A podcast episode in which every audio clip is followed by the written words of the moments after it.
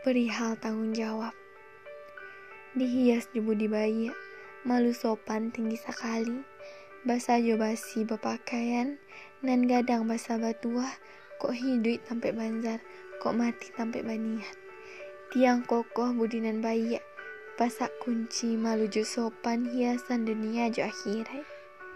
Awi sampai minta ayah, lapa sampai minta nasi. Orang tua Waktu yang tak mau menunggu membuat layu. Hmm, kata mereka, anak perempuan pertama bahunya harus ikut baja. Matanya tidak boleh menampakkan kesedihan. Ya, sosial terus menuntut untuk apa adanya, tapi kembali berkomentar dengan apa dayanya. Ada orang tua yang menaruh harapan besar hingga tanpa sadar itu menjadi beban. Ada adik yang secara sadar atau tidak juga menuntut untuk dilindungi.